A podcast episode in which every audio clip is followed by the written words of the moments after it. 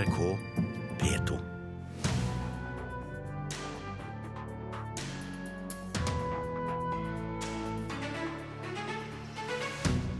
Vi gidder ikke mase med 3D-briller lenger. Langt færre ser 3D-film på kino nå enn før. Folk som bor i Oslo er mer kulturinteresserte enn de som bor i London eller i New York. Og så spør vi hva nå for Odd Nerdrum? I går ble kunstneren dømt til fengsel for skattesvik for tredje gang. Riktig god morgen, velkommen til Kulturnytt. I studio, Turi Grønbekk, og vi starter sendingen i kinomørket uten 3D-briller, for stadig færre av kinopublikummet velger 3D-versjon av filmer dersom valget står mellom 3D og 2D. Masete briller, feil bruk av 3D og ikke minst stive priser er en del av fortellingen om 3D-filmens fall. Det mener filmanmelder Ulrik Eriksen. Da må vi gi mannen billetter. Seks barn og en voksen. Billetten går fra ei lita bornehand til en billettkontrollør på Colosseum kino i Oslo. Kvernkallen barnehage er på kino for å se filmen 'Kule kryp', en film som går både i 3D og 2D. Kvernkallen barnehage velger å se filmen i 2D. For at nå er jeg sammen med fem-seksåringer, og da har jeg briller til de. Hadde blitt både dyrt og et styr, så derfor velger vi bort det. Det sier Lotte Møller. Filmer som 'Avatar' All I ever wanted was a single thing worth fighting for. Ladies and gentlemen, og 'Gravity'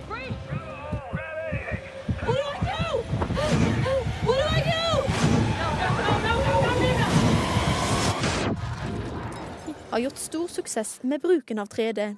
Et filmformat som kan gjøre kinoopplevelsen til det lille ekstra. Der ildsprutende drager faktisk kan komme ut av lerretet og inn i kinosalen. Men de senere åra har andelen som velger å se 3D-versjonen av filmer, sunket. I 2011 valgte sju av ti å se 3D-versjonen av filmen. Men hittil i år har bare om lag halvparten foretrukket 3D. Det viser nye tall fra bransjeforeninga Film og Kino. Litt kan bransjen takke seg selv. Sier Lene Løken i Film og Kino. Da filmbransjen fikk denne muligheten til å lage 3D, så hev alle seg på. Dette var nytt og spennende. Og resultatet var en del 3D-filmer som simpelthen ikke var gode nok. Det ble for mye effektmakeri av 3D-versjonen. Det gikk ikke egentlig inn i filmen og historien. Folk har gått litt lei 3D, mener filmanmelder i Morgenbladet Ulrik Eriksen. Det er ikke lenger måte oppsiktsvekkende teknologi. Det er ikke noe man får en wow-faktor av i seg selv. Når man da har valget og man kan kjøpe en billett som er billigere i 2D, så velger mange det.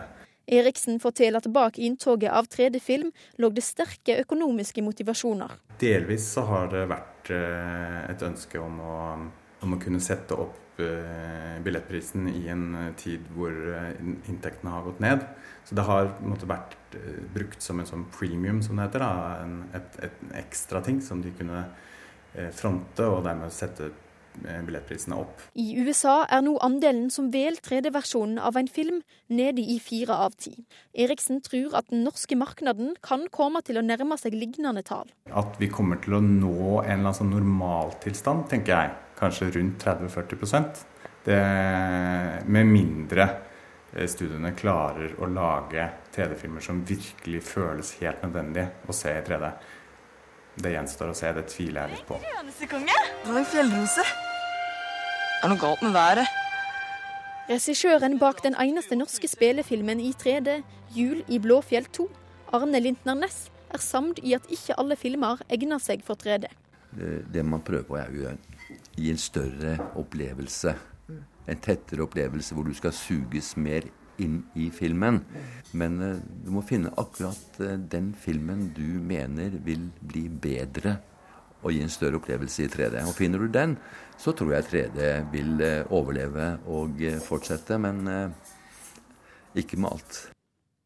Reporter her, Guro Kvalnes. I over tre år med rettsprosesser mot Odd Nerdrum, så har det vært snakk om skattesvik i millionklassen og fengsel i mange år. I går kom dommen. Kunstneren er dømt for skatteunndragelse for tredje gang. Han må belage seg på å sone i åtte måneder, og nå er et foreløpig punktum satt, sier forsvarer Jon Christian Elden. Dommen er eh, gledelig, den, fordi at den eh, skjærer bort veldig mye av det som påtalemyndigheten har rotet med i saken. Det sa forsvarer John Christian Elden i går kveld, da det var blitt kjent at Odd Nerdrum ble dømt for skatteunndragelse i Borgarting lagmannsrett. Han er dømt til fengsel i han må ett års ubetinget fengsel og åtte måneder betinget. Det innebærer at lagmannsretten mener at han må sitte åtte måneder og sone straff, fordi at han har oppgitt dette til feil land for sent. Hva synes han om det, vet du det? Han er jo glad for at straffen er blitt vesentlig redusert i forhold til forrige runde i lagmannsretten. Samtidig så er han uenig i at han skulle oppgitt dette til beskatning tidligere, men der må vi bare notere oss hva lagmannsretten sier. Forrige runde, ja. Odd Nerdrum har møtt jevnlig i retten siden sommeren 2011. Da startet rettssakene med utgangspunkt i mistenkt skatteunndragelse fra årene 1998 til 2002. I denne perioden mente skattemyndighetene at kunstneren solgte malerier for rundt 14 millioner kroner, uten å føre inntektene i selvangivelsen. Videre oppbevarte han 900 000 dollar i en bankboks i Østerrike som han ikke skattet av. Nerdrum har nektet straffskyld hele veien, men har tapt saken og blitt idømt fengselsstraff både i tingretten og lagmannsretten. I 2013 tok Høyesterett tak i saken og forkastet den siste dommen pga. sviktende bevisgrunnlag, og denne våren har saken blitt behandlet på nytt av Borgarting lagmannsrett. Kulturnytt har ikke lykkes i å få kontakt med aktoratet, men aktor Asbjørg Lykkjan har tidligere uttalt at påtalemyndighetene mener Nerdrum handlet veloverveid, at han skjulte penger med det formål å slippe skatt. Odd Nerdrum selv har i de senere årene nektet å uttale seg til norsk presse. Da han i 2011 stilte opp som gjest i programmet Skavlan, som jo spilles inn i Sverige, fikk han naturlig nok spørsmål om den mulige fengselsstraffen. Altså, Du har jo alltid hatt en, litt, en offerrolle i norsk kunstliv. Jeg har ikke hatt en offerrolle, men folk har jo vært ute etter meg som et helvete jo, men i 40 år. Jo, det er jo en offerrolle. Ja, men hør nå. Jeg er ikke noe offer. Jeg bare registrerer at det er veldig hardt å ikke være A4. Men mener du, og Nerdrum, for kunstvenn er A4. Men mener du at det å sette deg i fengsel for et skattesvik ja. er, er, er, Du blir en politisk fange? Jeg blir en kunstpolitisk fange. Ja, reporter her var Synne Høgbråten Rustad. Kulturredaktør i Dagsavisen Mode Steinkjer. For noen år siden sa altså Nerdrum den gangen at han var et kulturpolitisk offer. Er han det? Han har gjentatt det nå også i forbindelse med den rettssaken vi har vært gjennom nå. Eh, han har faktisk delvis rett, tror jeg, men det kommer mer an på at det er mistenkeliggjøring rundt Odd Nerdrum. Eh, det er mye fordommer mot Odd Nerdrum. Eh, vi ser at kunstmiljøet, kunstorganisasjonen, har ikke villet gå inn i hans sak i det hele tatt i løpet av de tre årene det har pågått. Dette kan ha smittet litt over på rettsvesenet også, i hvert fall i begynnelsen av saken. Jeg tror at den dommen vi fikk i går, er mer balansert, den er mer riktig, og viser da at det han har gjort, skyldes rot, og ikke noe som er bevisst, selv om aktoratet hevder det motsatte. Aktoratet har jo hevdet det hele tiden at dette er en eh, bevisst taktikk fra Nerdrums side. Men i går kom altså både en skatte, eh, mildere påstand, han fikk også en mildere straff. Hva skyldes det? Det skyldes to ting. Det ene tror jeg at han ble trodd. Eh, man fikk ryddet opp i det som, som også Høyesterett uh, tok tak i da de uh, tilbakeviste forrige dom og, og sørget for at det ble ny runde nå i Borgarting lagmannsrett. Det andre er jo at han da fikk en strafferabatt fordi at han har Tourettes syndrom, som, som flere medier skriver i dag. Jeg tror nok at, at dommen han nå har fått, og som kanskje da fører til at han må sone åtte måneder, er en kombinasjon av at han ble trodd og et sykdomsbilde så har disse rettssakene skapt en voldsom burdulje offentlig. Hva er årsaken til det? Rett og slett uh, Neidrum selv. Uh, Neidrum er Neidrum. Han har alltid vært på siden i norsk kunstliv, og på siden også i og for seg i norsk offentlighet, helt siden mordet på Andreas Bader. Det var et martyrbilde. Han har nok, uh, stikk i strid med det han selv sa i denne reportasjen, dyrket en offerrolle, i hvert fall i forhold til hvordan han er blitt behandlet her hjemme. Eh, han har sterke eh, tilhengere som prøver å si det motsatte. De har også delvis rett, men, men jeg tror nok at når Nerdrum skaper så mye medieblest om seg selv, så er det han som er skyld i det, og ikke nødvendigvis nei 14 millioner, som da var det utgangspunktet for denne rettssaken.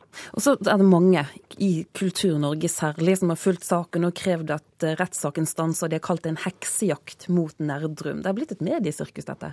Det er et mediesirkus, og igjen så er det jo da Odd Nerdrum selv som, som er skyld i det. Litt, uf, litt sånn uforskyldt.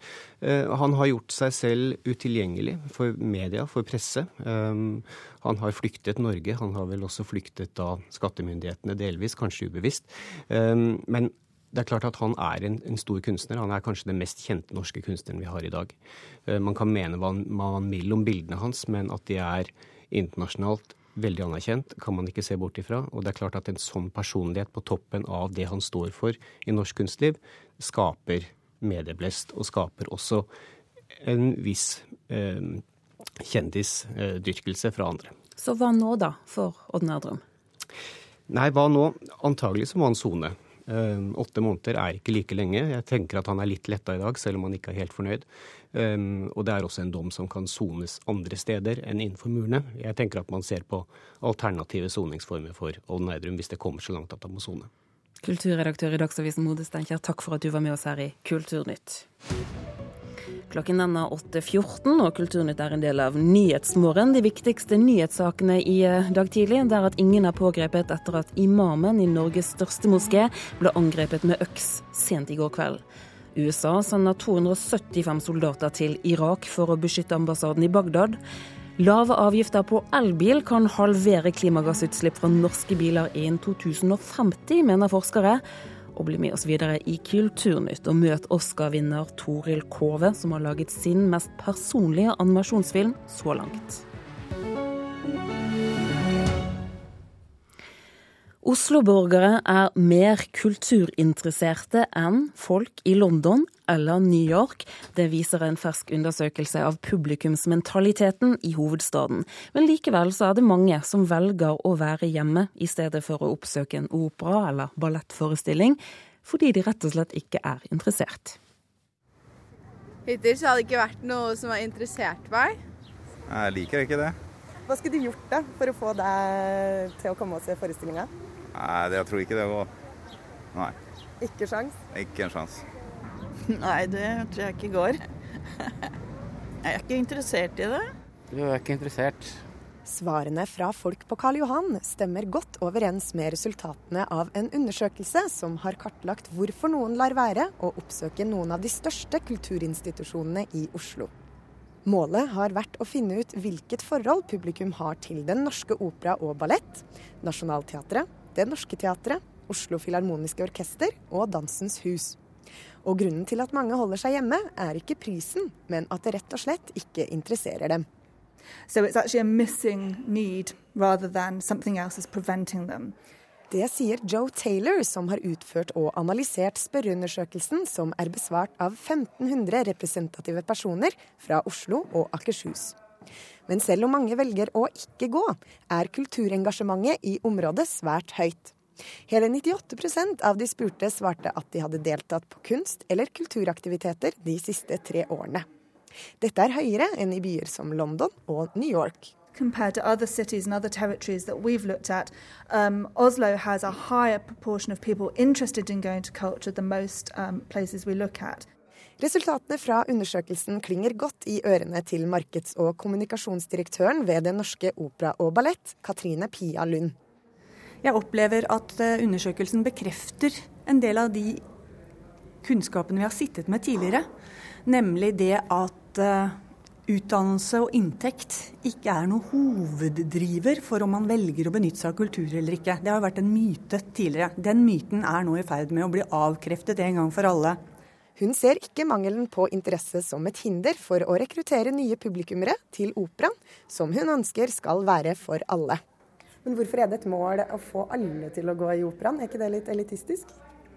Nei, jeg er ikke enig i den uh, innfallsvinkelen i det hele tatt. Altså, Operaen er for alle, og det skal den fortsette å være. Det betyr ikke at alle skal like alt, men det betyr at vi skal ha et bredt spekter, en bred vifte av tilbud, sånn at noen kan finne noe i en periode og andre i en annen periode. Men alle trenger ikke å like alt. Eh, jeg, går ikke så mye på teater.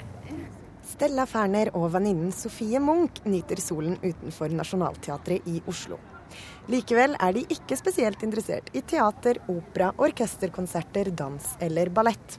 Så jeg tenker det er litt sånn eldre folk som eh, kanskje drar på det, eller at man har liksom blitt invitert og fått det i gave. Men eh, jeg tror ikke Jeg vil aldri tenke på at det er vi ungdommer som drar der, på en måte. Reporter her, Åsta Hoem Hagen. Vi skal til Frankrike nå. Der jobber rundt 112 000 skuespillere, sangere og regissører som frilansere, og til nå har de hatt en garanti om lønn. Nå står denne lønnsgarantien i fare for å bli skrotet. Det har ført til voldsomme protester. Kulturarbeiderne har streiket i fire måneder. Generelt er det misnøye med sosialistregjeringens kulturpolitikk.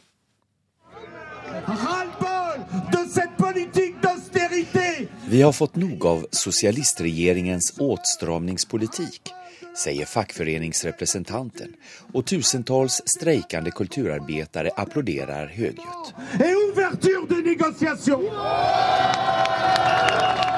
I går ställde nesten 7000 frilansande kulturarbetare upp i en mye målinriktad demonstration i Paris. Man protesterer mot at regjeringen i en överenskommelse med den franske arbeidsgiverorganisasjonen, MEDEF vil endre på avtalen i kulturarbetarnas fasta löner. Solidaritet var et vanlig återkommende slagord under gårdagens demonstration. Sammanlagt 507 timmar måste frilansarna jobba for tillfället under tio måneder for å få sin garanterade lön på cirka 10 000 kroner i måneden. Men de villkoren kan nu altså komme att förändras. Det avtal arbetsgivarorganisationen Medef vil drive gjennom innebär at frilansarna måste jobba mer for å få mindre lön. Att Medef vil förändra villkoren i avtalet beror på at en del av de franska företagens skatter går til å finansiere kulturarbetarnas löner. Från og med den 1 juli beräknas det nye avtalet gå igenom og på det viset skal arbetsgivarorganisationen kunne spara 1,6 miljarder kroner for de franska företagens del. Flera stora teatrar som Ariane Mnushkins Théâtre du Soleil og Jean-Michel Ribs Théâtre des Champs-Élysées krever at regjeringen ikke går med på arbeidsgiverforeningens krav. Men det tycks ikke gi resultat for regjeringen har meddelat at den kommer å akseptere det nye avtalet. Dermed kan protestene tilta og hote mange store sommerfestivaler. Flere oppsetninger har redan annullerats under den pågående skådespelarfestivalen Printemps des Comédiens i Montpellier. Under världsmusikfestivalen Rio Loco i Toulouse stoppades förra helgen flera konserter. Dansfestivalen Uzes senere i juni har annullerats helt. En konsert med verdensberømte sangersken Vanessa Paradis har stoppats og operafestivalen i Aix-en-Provence er truet. I juli starter den store teaterfestivalen i Avignon. Film- og teaterskuespillersken Virginie de Villain skal opptre der. Men nå kan Avignon-festivalen stoppes. Oui, cet été Avignon, euh, front. On risque très fortement de ne pas. Blir det ingen pjäs i Avignon er det flere måneders repetisjoner som går om intet, sier Virginie de Villain. Men jeg er enda solidarisk med streiken, sier skådespelerskan. Viktigst er at vi kulturarbetare slåss mot de forsemrede villkoren, tycker hun. Hur skal vi artister annars kunne overleve? Men là, il faut qu'on se batte et il faut qu'on arrive à se faire entendre. Og reporter i Frankrike, det er Johan Tolgert. Fra de mollstemte skoger. Det heter en gruppe fra Hedmark. De er ute med sin andre plate.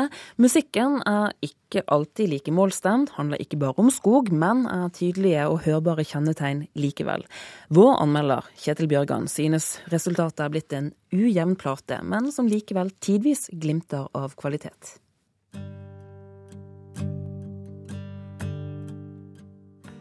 Kvisk åt meg, en samling tekster skrevet av diktere fra skogtunge Hedmark, med innhold som også ofte speiler natur og stemning, blitt til på forfatternes hjemplasser og tolka av gruppa. Fra de mollstemte skoger, Egentlig et litt eh, omstendelig navn på en gruppe, og kanskje også litt omstendelig musikk. Musikk der i grensen først og fremst mellom viser og norsk folkemusikk. Der i et kreativt musikalsk landskap hvor eh, diktene får leve litt på sine egne premisser. Dvs. Si at musikken aldri kommer i veien for innholdet. Dikt som for øvrig er fine og varierte, og også enkle nok til at de kan fungere i en musikalsk sammenheng. Jeg ligger i stillheten vaken var.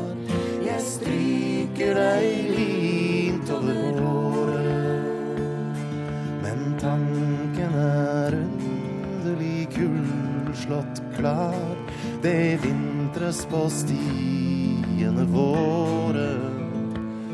Min kjæreste, sover du? Tove Hagen har et fint felespill. Annar By et virtuost gitarspill med et tidvis kledelig tungt slag i rytmen. Og Hege Nylunds ukulele og autoharpe fyller fint ut lydbildet. Og de synger alle sammen. Ofte én og én, og noen ganger samtidig. Og jeg er litt usikker på om akkurat den demokratiske formen er den beste. Det er tre ganske forskjellige stemmer her, og det er i og for seg flott. Men det er spesielt bra når de synger sammen. Da fyller de hverandre ut på en interessant måte med en klang som de er aleine om. Og kanskje ville jeg satsa mer på det, eventuelt bare med én solovokalist. Som det er nå, spriker uttrykket for mye. Kvisk åt meg de orda som bære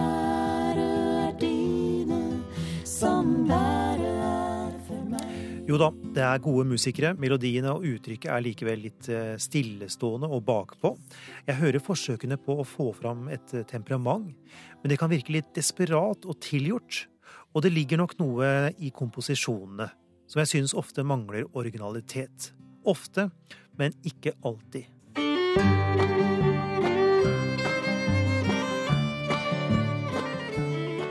Noen ganger vender de seg om, letter litt over tretoppene og finner særegne og karakteristiske musikalske linjer. Et eksempel er låta 'Hane, høne, tre pepperkorn', med tekst av Halvor Floden og melodi komponert av Annar By. Da skjer det noe. Arrangementet er mer sammensatt, og musikken framstår som mer uforutsigbar. Og vinne fagning for hanesang. Jeg kan ikke leve og brenne inne med kunstnertrang. Men høna børste sin gamle bunad, sa kakk, kakk, kakk, så Denne låten heter 'Hane, høne, tre pepperkorn' og er fra platen 'Kvisk åt meg' med gruppen Fra de målstemte skoger. Og anmelder her, det var Kjetil Ketil Kjetil Bjørgan. Så til Oscar-vinner Toril Kove. Hun er aktuell med sin mest personlige animasjonsfilm så langt. 'Molten og meg' handler om hvor vanskelig det er å være ærlig med dem som står oss aller nærmest. Det er eh, ting man tenker om de man er eh, aller mest glad i i hele livet, som man ikke helt tør å, tør å si. Sier regissør Toril Kove. I 2007 vant hun Oscar for kortfilmen 'Den danske dikteren'. Nå er hun aktuell med 'Molton og meg', hennes mest personlige kortfilm så langt. I går ble filmen vist under kortfilmfestivalen i Grimstad. Far er glad for at jeg liker å tegne, og jo mer han liker det, desto mer tegner jeg. En sju år gammel jente bor i en familie i en liten norsk by på midten av 1960-tallet. Det jenta ønsker seg mest av alt, er en ny sykkel. Men hva slags sykkel kan du forvente av en pappa som har byens eneste bart, og en mamma som syr kjoler av finske gardinstoffer? 15 000 menn i byen vår. Én eneste bart. Det er så flaut at jeg får vondt i magen. Det handler til dels om kommunikasjon, da, og om uh, følelser som man uh, ofte velger å holde for seg selv, fordi at man, er, man bekymrer seg over hvordan de man tenker på, hvordan de skal ta det hvis de får høre sånn. Altså Hvis jeg hadde sagt til far vet du, at jeg bare hater den barten din, jeg kan ikke fordra den, den er så flau. Jeg er syv år gammel, og jeg har to søstre. En på fem og en på ni. Det er, den er jo personlig fordi det faktisk handler om uh, familien min. Sånn at jeg har tatt med jeg har tatt med mor og far og de to søstrene mine og bestemor. Og det, fortellingen er basert på hendelser som faktisk fant sted. Det er, altså, det er fakta i filmen. Jeg er misunnelig på Benedicte fordi moren hennes er hjemme. For meg så er det jeg tror kanskje den vanskeligste delen av filmen for meg, det er uh, dette stedet hvor uh, hovedpersonen sier at hun er misunnelig på familien nede fordi moren alltid er hjemme. Og det på en måte er en sånn sak som jeg føler det er vanskelig å si nå, ikke bare til meg selv, men også til publikum. ikke sant? Jeg tenker at Hvis barn føler det, så er det, er det ofte at man ikke sier det. Og vi som er voksne, hvis vi hadde det sånn da vi var barn, er også noe Det er litt sånn tabu da, egentlig, å tenke at, at det er noen barn som egentlig forferdelig gjerne bare skulle hatt én forelder hjemme hele dagen istedenfor å gjøre andre ting. Og så ser vi dem. De kommer opp bakken og dytter på noe. Altså, sykkelen er et slags metafor for foreldrene mine. Da. At de er eh, de er, jo, de er jo helt flotte foreldre, men, men ak kanskje ikke akkurat de som foreldrene vi gjerne skulle ha hatt. Men det er jo også Man ønsker seg jo egentlig ikke andre foreldre enn det man har, men det er et eller annet sånt med at å, det ser så ut som andre har det bedre. ikke sant? Det handler, om følelser man har for de man er mest glad i. At de kan være litt blandet. Man elsker dem, men man skulle også ønske at de kunne barbere seg. ikke sant? Moren min liker ikke blonde kjoler, og hun syr alle kjolene våre selv. Helst av fargerike bomullsstoffer laget i Finland. Dæsken! Dere ser ut som en installasjon på høstutstillingen. Men er det egentlig det vi vil? Og vi hørte her fra den siste filmen til Toril Kove. Filmen heter 'Molten og meg'. Og stammen fra filmen den tilhørte Andrea Brein Hovig. Reporter det var Miriam Grov. Og Du hørte det her i Kulturnytt i NRK P2 og Alltid nyheter. Vi har også hørt om en dalende interesse for å se 3D-film på kino. Nordmenn ser langt færre 3D-filmer på kino nå enn før. Kulturnytt i dag er laget av eh, Anja Strønen, tekniker eh, Hanne Lunås. Her i studio Turi Grønbekk, og så fortsetter Nyhetsmorgen.